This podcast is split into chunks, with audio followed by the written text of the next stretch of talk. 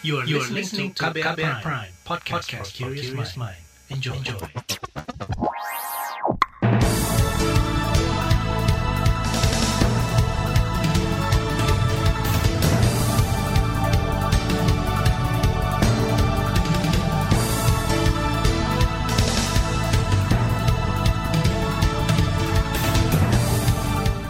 Halo selamat pagi saudara, senang sekali kami bisa menjumpai Anda kembali melalui program Buletin Pagi edisi Kamis 6 Mei 2021 bersama saya Malika. Sejumlah informasi pilihan telah kami siapkan, di antaranya KPK dinilai tak berwenang pecat 75 pegawai yang gagal lolos tes wawancara kebangsaan. Hari ini mudik resmi dilarang, Jawa Barat tutup lokasi wisata di daerah berstatus zona merah. Terbaru di Buletin Pagi. Saudara Komisi Pemberantasan Korupsi KPK mengumumkan 75 dari 1.300-an pegawainya tak lolos tes wawasan kebangsaan TWK. Tes ini merupakan bagian dari alih status pegawai KPK menjadi ASN. Pengumuman tersebut disampaikan langsung oleh Wakil Ketua KPK Nurul Gufron saat menggelar konferensi pers kemarin. 1.351 pegawai KPK yang mengikuti asesmen TWK dengan hasil sebagai berikut. A pegawai yang memenuhi syarat sebanyak 1.274 kategori MS memenuhi syarat. B. Pegawai yang tidak memenuhi syarat sebanyak 75 orang atau TMS 75 orang. Pegawai yang tidak hadir wawancara sebanyak dua orang. Itu tadi Wakil Ketua KPK Nurul Gufron. Dalam kesempatan yang sama, Ketua KPK Firly Bahuri menegaskan tidak akan memecat 75 pegawai yang tidak lolos asesmen. Hal ini untuk membantah kabar yang menyebut bahwa Firly bersikeras ingin memberhentikan mereka yang gagal lolos tes. Ia juga menepis isu adanya intervensi dalam pelaksanaan ujian tersebut. Terkait dengan apakah akan ada pemecatan? Saya ingin katakan, sampai hari ini KPK tidak pernah menegaskan dan menyampaikan bahwa ada proses pemecatan. KPK juga tidak pernah berbicara memberhentikan orang tidak hormat. KPK juga tidak pernah berbicara tentang pegawai yang diberhentikan dengan hormat. Tidak ada. Itu tadi Ketua KPK Firly Bahuri. Sementara itu Sekjen KPK Cahya Harefa mengatakan tes wawasan kebangsaan merupakan syarat pengalihan pegawai KPK menjadi ASN sebagaimana amanat Undang-Undang KPK yang baru. Saudara beberapa nama pegawai dan penyidik KPK yang gagal lolos tes wawasan kebangsaan beredar di publik, di antaranya penyidik senior Novel Baswedan dan Ketua Wadah Pegawai KPK Yudi Purnomo. Menanggapi hal ini, Ketua Wadah Pegawai KPK Yudi Purnomo meminta kejelasan nasib dari 75 pegawai yang tak assess yang tak lolos assessment. Menurutnya selama ini yang mereka tahu tes wawasan kebangsaan hanya untuk pemetaan, bukan penentu status kepegawaian di KPK. Hal itu diungkapkan Yudi dalam wawancara dengan Kompas TV. Kami sendiri uh, menyampaikan bahwa jangan sampai ujian ini hasilnya itu menjadi terminate gitu kan. Apa? Karena undang-undang sendiri sudah menyatakan bahwa pegawai KPK hmm. itu langsung diangkat menjadi ASN. Kalaupun ada tes seperti ini, kami sebelumnya ketika mengikuti ini mengatakan bahwa ini hanya pemetaan gitu kan, bagaimana kualitas, bagaimana ini dan sebagainya. Ketua Wadah Pegawai KPK Yudi Purnomo berpandangan tes wawasan kebangsaan tidak bisa dilepaskan dari konteks pelemahan KPK. Ia menduga tes itu merupakan upaya penyingkiran pegawai yang profesional, berintegritas, dan memiliki posisi strategis dalam penanganan kasus-kasus besar di KPK. Pendapat serupa juga disampaikan penyidik KPK Novel Baswedan. Dalam pesan singkatnya kepada KBR kemarin, ia mencurigai adanya motif terselubung dalam pelaksanaan tes. Menurutnya ada pimpinan KPK yang sengaja mengatur dan ingin menyingkirkan ke-75 pegawainya tersebut. Novel bakal mencari tahu siapa yang ada di balik semua keputusan ini. Kendati ia belum mendapat hasil tesnya, Novel yakin dengan kebenaran nama-nama yang beredar. Anggota koalisi Safe KPK Asfinawati berpandangan tes wawasan kebangsaan terkesan mengada-ngada. Kata dia semestinya tes itu tidak digelar karena seluruh pegawai KPK otomatis menjadi ASN. KPK juga tidak berwenang memecat pegawainya yang tidak lolos asesmen. Nah, jadi ketika pemberhentian ini dilakukan karena sebetulnya wewenangnya tidak dimiliki oleh pimpinan KPK karena menentukan asesmen kebangsaan itu sudah melampaui kewenangan dia, maka memberhentikan orang karena tidak lulus asesmen kebangsaan adalah sebuah uh, penyimpangan atau melampaui kewenangan dia. Itu tadi anggota koalisi Safe KPK Asfinawati yang juga ketua YLBHI. Sementara itu Mahkamah Konstitusi menegaskan pengalihan status kepegawaian KPK tidak boleh merugikan hak pegawai KPK untuk diangkat sebagai ASN dengan alasan apa pun di luar desain yang ditetapkan undang-undang. Hal ini termuat dalam pertimbangan putusan uji material Undang-Undang KPK yang dibacakan Selasa kemarin. Ex-pimpinan KPK Busro Mukodas menuding tes wawasan kebangsaan merupakan upaya penyingkiran yang sistematis. Menurutnya beberapa penyidik yang dikabarkan tidak lolos tes sering menangani kasus-kasus besar tidak sulit walaupun tadi tidak diumumkan namanya tapi itu juga bagian dari sisi-sisi gelap yang tidak perlu terjadi di KPK. Perhatikan nama-nama itu ketika sedang menangani kasus-kasus skandal-skandal yang muatan politik kuat besar sekali itu menjadi kehendak dari oligarki politik dan oligarki bisnis untuk menyingkirkan orang-orang yang selama ini menjadi tulang punggung OTT yang berhasil Bekas pimpinan KPK Busro Mukodas menambahkan masalah tes wawasan kebangsaan ini makin mempertegas kehancuran lembaga anti rasuah.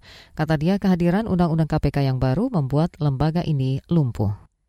Hari ini mudik resmi dilarang, informasinya akan hadir usai jeda, tetaplah di Buletin Pagi KBR. You're listening to KBR Pride, podcast for curious mind. Enjoy!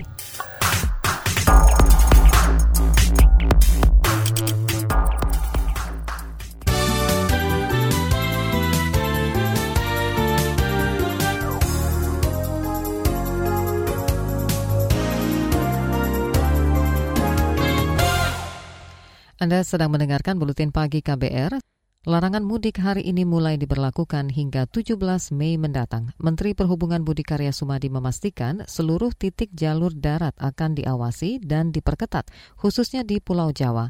Hal ini untuk mengantisipasi pergerakan masyarakat yang nekat mudik. Seyogyanya masyarakat tidak melakukan itu dan para petugas melakukan suatu pengetatan yang intensif jalan-jalan tikus. Saya percaya bahwa Polri mampu mengendalikannya. Kita akan melakukan penindakan terhadap angkutan travel gelap yang berplat hitam. Sudah kita koordinasikan dengan dalam hal ini Korlantas dan kita meningkatkan pengawasan secara intensif pada jasa layanan transportasi Menteri Perhubungan Budi Karya Sumadi menuturkan pada 7 persen ada 7 persen atau 18 juta masyarakat yang ingin tetap mudik meski dilarang. Beberapa provinsi yang memiliki mobilitas mudik yang tinggi antara lain Jawa Tengah sebanyak 30 persen, Jawa Barat 20 persen disusul Jawa Timur, Banten, dan Lampung. Sementara itu kepolisian mengoperasikan 300-an titik penyekatan mulai Kamis dini hari. Kepala Badan Pemelihara Keamanan Polri Arif Sulistianto mengatakan pengetatan akan dilakukan di beberapa daerah tujuan mudik seperti Pulau Jawa dan Sumatera penyekatan di titik yang sudah ditentukan, di mana semula ada 333 titik penyekatan, ditingkatkan lagi menjadi 381 titik penyekatan mulai dari Sumatera Selatan sampai ke Bali. Titik penyekatan yang paling banyak ada di wilayah Jawa Barat, kemudian Jawa Tengah, kemudian mulai dari eh, Palembang, Lampung, Banten, Jakarta, sampai ke wilayah Jawa Timur. Nah ini mulai besok sudah aktif. Kabahar Polri Arif Sulistianto menegaskan sanksi akan diberikan kepada masyarakat yang nekat mudik. Warga yang terjaring operasi akan dites cepat antigen. Jika positif, maka akan diminta melakukan karantina. Jika negatif, akan diminta kembali ke kota asal. Pemerintah diminta mewaspadai lonjakan kasus akibat masuknya tiga varian baru COVID-19. Epidemiolog Universitas Indonesia Pandu Riono meminta pemerintah tetap memperketat protokol kesehatan, membatasi mobilitas masyarakat, dan memperbanyak 3T, yakni tes, telusur, dan tangani. Tapi ada yang kita khawatirkan adalah mutasi-mutasi yang bisa menimbulkan tadi meningkatkan penularan atau meningkatkan fatalitas. Yang paling dikhawatirkan adalah membuat daya vaksin lindung kita menurun karena uh, virusnya bisa menghindar dari sistem imunitas kita yang kita sebut sebagai immunity escape-nya. Jadi ini yang menurut saya jangan pandang remeh kemampuan virus SARS kedua ini Epidemiolog Universitas Indonesia Pandu Riono khawatir kasus COVID-19 di Indonesia bakal melonjak meski tak separah India. Kondisi ini bisa membuat fasilitas kesehatan kolaps. Kita ke berita ekonomi. Indonesia belum keluar dari resesi karena pertumbuhan ekonomi triwulan pertama 2021 terkontraksi minus 0,74 persen secara tahunan. Meski demikian, ekonomi mulai membaik jika dibandingkan dengan triwulan 4 2020 yang terkontraksi minus 2,19 persen. Hal itu disampaikan Kepala Badan Pusat Statistik BPS Suharyanto dalam konvers daring kemarin. Maka pertumbuhan ekonomi Indonesia pada triwulan 1 tahun 2021 ini masih mengalami kontraksi sebesar 0,74 persen. Jadi sekali lagi secara Y on Y, perekonomian Indonesia triwulan 1 mengalami kontraksi 0,74 persen, sementara secara Q2Q mengalami kontraksi 0,96 persen. Kepala BPS Soharyanto menambahkan perbaikan ekonomi di triwulan pertama 2021 disumbang oleh lima sektor yakni industri, pertanian, perdagangan, konstruksi, dan pertambangan. Kita ke mancanegara, Filipina menolak keras larangan memancing tahunan oleh Cina di Laut Cina Selatan. Para nelayan diminta tetap beraktivitas di perairan itu. Dilansir Reuters, larangan penangkapan ikan di Laut Cina Selatan diberlakukan Cina sejak 1999 dan berlangsung dari 1 Mei hingga 16 Agustus. Namun Filipina menolak tunduk karena wilayah itu diklaim sebagai wilayah yuridiksi mereka. Perairan itu biasa disebut sebagai Laut Filipina Barat. Singapura memperketat kebijakan penanganan COVID-19. Pengetatan dilakukan menyusul lonjakan penularan corona lokal dan temuan mutasi virus asal India. Mereka mengharuskan seluruh pendatang melakukan karantina lebih panjang, yakni tiga pekan, bukan dua pekan seperti selama ini diterapkan. Dikutip dari CNN, karantina tiga pekan ini khususnya berlaku bagi pengunjung dengan riwayat perjalanan dari sejumlah negara berisiko tinggi penularan COVID-19. Kita ke informasi olahraga. Chelsea lolos ke final Liga Champions setelah menyingkirkan Real Madrid 2-0 di semifinal leg kedua di Stamford Bridge Kamis dini hari. The Blue lolos dengan agregat 3-1. Kemenangan Chelsea di kandang sendiri berkat gol Timo Werner di menit ke-28 dan gol Mason Mount di menit ke-85. Di partai puncak Chelsea sudah ditunggu Manchester City yang lebih dulu lolos setelah mengalahkan PSG dengan agregat 4-1. Keberangkatan timnas sepak bola Indonesia ke Uni Emirat Arab diundur pasca lebaran. Penundaan ini membuat mereka bakal lebih lama berlatih di Jakarta. Dikutip dari rilis PSSI, tim Merah Putih harusnya terbang ke Dubai pekan depan dalam rangka persiapan tiga laga kualifikasi Piala Dunia 2002. Timnas akan berangkat pada 17 Mei mendatang dan akan bertanding melawan Afghanistan pada 25 Mei. Laporan khas KBR bertajuk Bahaya Varian Baru Corona akan hadir sesaat lagi. Tetaplah di Buletin Pagi KBR. You're listening to KBR Pride, podcast for curious mind. Enjoy!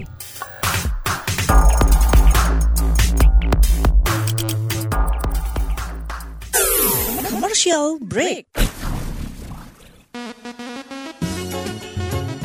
Ya, ada lagu ini pula buat rindu kampung ini. Ah, nelfon mama ah. Apa kabar dia nih ya?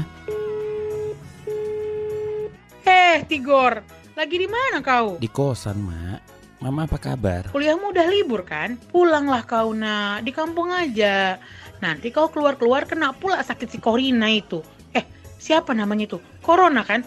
Corona betul ya? Eh, ditanya kabar malah panjang mama ini jawab.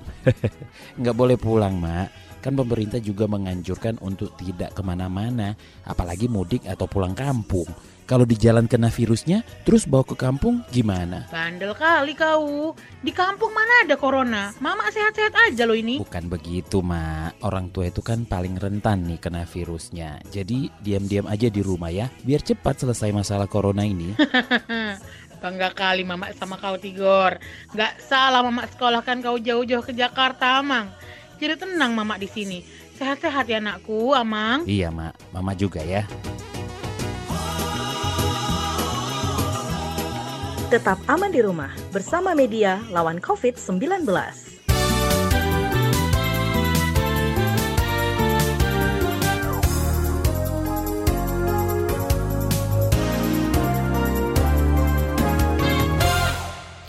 Anda masih bersama kami di Buletin Pagi KBR. Saudara dua varian baru virus corona sudah masuk ke Indonesia, yakni dari India dan Afrika Selatan. Sebelumnya varian dari Inggris juga sudah terdeteksi masuk ke Indonesia. Seberapa bahayakah varian baru COVID-19 itu? Berikut laporan khas KBR yang disusun Wahyu Setiawan karena sudah ada mutasi baru yang masuk yaitu mutasi dari India. Ada dua insiden yang sudah kita lihat dua-duanya di Jakarta. Dan satu insiden untuk mutasi dari Afrika Selatan yang masuk itu yang ada di Bali ya. Jadi selain mutasi yang dari Inggris yang sekarang sudah ada 13 insiden sudah ada dua mutasi dari India masuk dan satu mutasi dari Afrika Selatan ya. Itu tadi penjelasan Menteri Kesehatan Budi Gunadi Sadikin saat mengumumkan masuknya varian dari Afrika Selatan dan India awal bulan ini. Sebelumnya, sekitar dua bulan lalu, Kementerian Kesehatan juga mengkonfirmasi varian B117 dari Inggris telah masuk ke Indonesia. Juru bicara vaksin COVID-19 dari Kemenkes, Siti Nadia Tarmizi mengatakan, varian dari Inggris dan Afrika Selatan merupakan dua dari tiga varian yang diwaspadai oleh Organisasi Kesehatan Dunia WHO. Sementara varian asal India saat ini yang paling sedang jadi sorotan. Siti khawatir masuknya tiga varian itu akan menyebabkan tingkat keparahan penyakit, sebab di saat yang sama terjadi peningkatan kasus kematian dalam dua pekan terakhir. Tentunya kalau kita melihat varian atau mutasi, salah satu yang bisa timbul sebagai adanya varian atau mutasi ini adalah meningkatkan tingkat keparahan penyakit. Dan gambaran ini walaupun memang harus kita uh, lihat lebih lanjut, tetapi angka kematian yang terus meningkat secara signifikan ini tentunya menjadi kewaspadaan kita untuk berhati-hati apakah varian atau mutasi virus inilah yang menyebabkan kemudian terjadinya hal ini. Kekhawatiran yang sama juga disampaikan Direktur Lembaga Biologi Molekular Eijkman, Amin Subandrio. Amin mengatakan setiap varian dikhawatirkan bisa menyebabkan keparahan penyakit karena virus yang bermutasi rata-rata membawa sifat yang berbeda dari aslinya. Sebetulnya semua varian itu ya B117 kemudian beberapa turunannya kemudian juga B1351 ataupun yang E484K atau yang lain-lainnya yang juga yang dari Brasil P1 ya itu intinya mereka memiliki salah satu atau kombinasi ya dari empat sifat yang menyebabkan kita concern. Amin menjelaskan keempat sifat virus varian baru itu adalah lebih menular, bisa lolos dari pemeriksaan PCR, menyebabkan tingkat keparahan penyakit, dan menurunkan efektivitas vaksin. Amin berpesan pemerintah harus mewaspadai sifat lolosnya varian itu dari diagnosis PCR. Caranya dengan menambah kombinasi primer dari kit PCR supaya bisa mendeteksi banyak gen dan memeriksa whole genome sequencing guna menentukan DNA virus. Meski begitu, Amin menerangkan semua sifat-sifat varian itu saat ini masih dalam tahap pengkajian karena belum ada eksperimen dan laporan spesifik. Belum dibandingkan sih ya, belum artinya belum ada yang bisa membandingkan antara beberapa varian itu mana yang lebih berbahaya tanda petik karena ya kita ketahui orang yang meninggal karena varian yang sebelumnya yang tidak ada mutasi juga banyak. Jadi berat ringannya penyakit atau fatalitasnya atau morbiditas dan mortalitasnya itu sebenarnya belum terbukti secara intensif ya dikaitkan dengan mutasi tersebut. Sementara itu, epidemiolog dari Universitas Indonesia Pandu Riono mendorong pemerintah meningkatkan kapasitas tes, pelacakan, dan isolasi atau 3T, serta membatasi mobilitas atau pergerakan masyarakat untuk mencegah penularan dari varian baru. Masyarakat juga diminta untuk terus menerapkan protokol kesehatan. Pandu mewanti-wanti agar pemerintah serius mewaspadai potensi lonjakan kasus akibat masuknya tiga varian virus corona dari luar luar negeri. Meski dia memprediksi tak akan segawat India, namun masuknya varian baru berpotensi membuat pelayanan kesehatan Indonesia kolaps. Tapi ada yang kita khawatirkan adalah mutasi-mutasi yang bisa menimbulkan tadi meningkatkan penularan atau meningkatkan fatalitas. Yang paling dikhawatirkan adalah membuat daya vaksin lindung kita menurun. Nah, ini efikasinya bisa menurun karena virusnya bisa menghindar dari sistem imunitas kita yang kita kita sebut sebagai immunity escape-nya. Gitu. Menanggapi masuknya tiga varian corona ke Indonesia, juru bicara Satgas Penanganan COVID-19, Wiku Adhisa Smito mengatakan, pemerintah akan memperketat pengawasan di pintu masuk negara. Wiku menambahkan sesuai surat edaran dari Ditjen Imigrasi Kemenkumham, WNA yang memiliki riwayat perjalanan dari India dalam kurun waktu 14 hari terakhir ataupun berdomisili di negara India dilarang masuk ke tanah air. Pemerintah saat ini sudah mengetatkan pengawasan di pintu pintu masuk wilayah Indonesia sebagai upaya mencegah adanya oknum-oknum yang tidak bertanggung jawab dalam meloloskan WNA tanpa karantina. Kementerian Kesehatan menginformasikan bahwa WNA yang terinfeksi COVID-19 varian B1617 sudah dirujuk ke RS Sulianti Saroso, sementara untuk warga yang terinfeksi varian asal Afrika Selatan telah meninggal dunia. Demikian laporannya disusun Wahyu Setiawan. Saya Fitri Anggreni. Saudara informasi dari daerah akan hadir usai jeda, tetaplah di Buletin Pagi KBR. You're listening to KBR Pride, podcast for curious mind. Enjoy!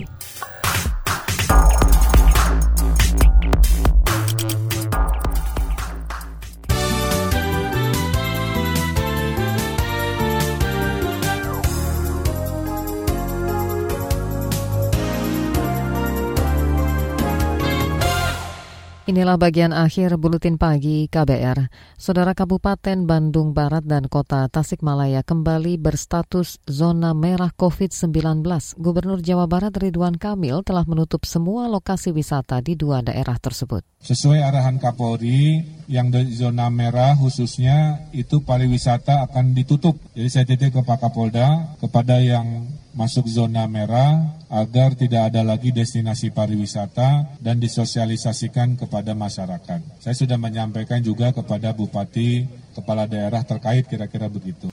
Gubernur Jawa Barat Ridwan Kamil menambahkan larangan mudik diberlakukan di seluruh wilayah untuk mencegah penularan COVID-19. Posko penyekatan diperluas menjadi 150-an lokasi, utamanya di jalur-jalur tikus. Kata dia penyekatan harus diperketat karena diperkirakan 6 juta orang akan masuk ke Jawa Barat. Puluhan siswa Madrasah Aliyah Negeri MAN Insan Cendikia Jambi terkonfirmasi positif COVID-19.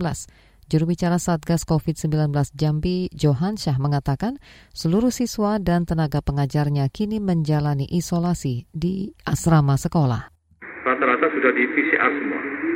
Jadi 85 orang itu yang yang positif itu dan yang bagi yang lain yang negatif masih menjalani proses karantina dan menunggu hasil PCR-nya negatif dua kali baru dipositif.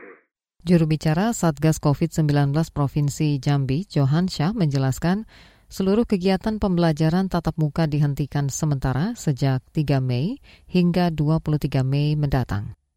Kita ke Jawa Timur, Puluhan buruh migran asal Banyuwangi pulang ke kampung halaman jelang Hari Raya Idul Fitri.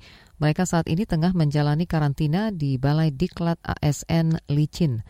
Ketua Dewan Pimpinan Cabang Serikat Buruh Migran Indonesia Banyuwangi, Agung Sebastian mengatakan mereka berasal dari sejumlah negara seperti Malaysia, Singapura, dan Brunei Darussalam. Kalau kemarin yang terbaru kan ada pemulangan uh, yang ke jadi dijemput oleh Pemda, hmm. kemudian diantar ke daerah asalnya. Waktu itu saat ini ke karantina di di Licin di ini di Banyuwangi uh, milik Pemda waktu itu. Uh, dari Pemda kisaran 70-an lah kemarin dari ini data ya. Tapi semuanya sudah dipantau terus oleh Pemda Satgasnya terutama. Itu tadi Ketua DPC Serikat Buruh Migran Banyuwangi Agung Sebastian. Sementara itu juru bicara Satgas Penanganan COVID-19 Banyuwangi Wiji Lestariono memastikan puluhan buruh migran tersebut telah diperiksa kesehatannya dan dites swab. Jika ada buruh yang positif COVID-19 maka akan langsung dirujuk ke rumah sakit untuk menjalani perawatan. Saudara Gubernur Jawa Barat Ridwan Kamil meminta ASN di wilayahnya tidak mengeluhkan pemotongan tunjangan hari raya atau THR. Ini menyusul munculnya petisi daring soal jumlah THR untuk ASN. Ia meminta ASN menerima keputusan itu sebagai bagian dari bela negara. Ridwan Kamil menambahkan ASN tidak layak memprotes soal potongan THR, pasalnya ASN bukan profesi yang terdampak langsung pandemi COVID-19. Jika dibandingkan dengan karyawan swasta, pendapatan ASN relatif stabil. Informasi tadi menutup jumpa kita di Buletin Pagi hari ini. Pantau juga informasi terbaru melalui kabar baru situs kbr.id, Twitter kami di akun @beritaKBR, serta podcast di alamat kbrprime.id. Akhirnya saya Malika bersama tim yang bertugas undur diri. Salam.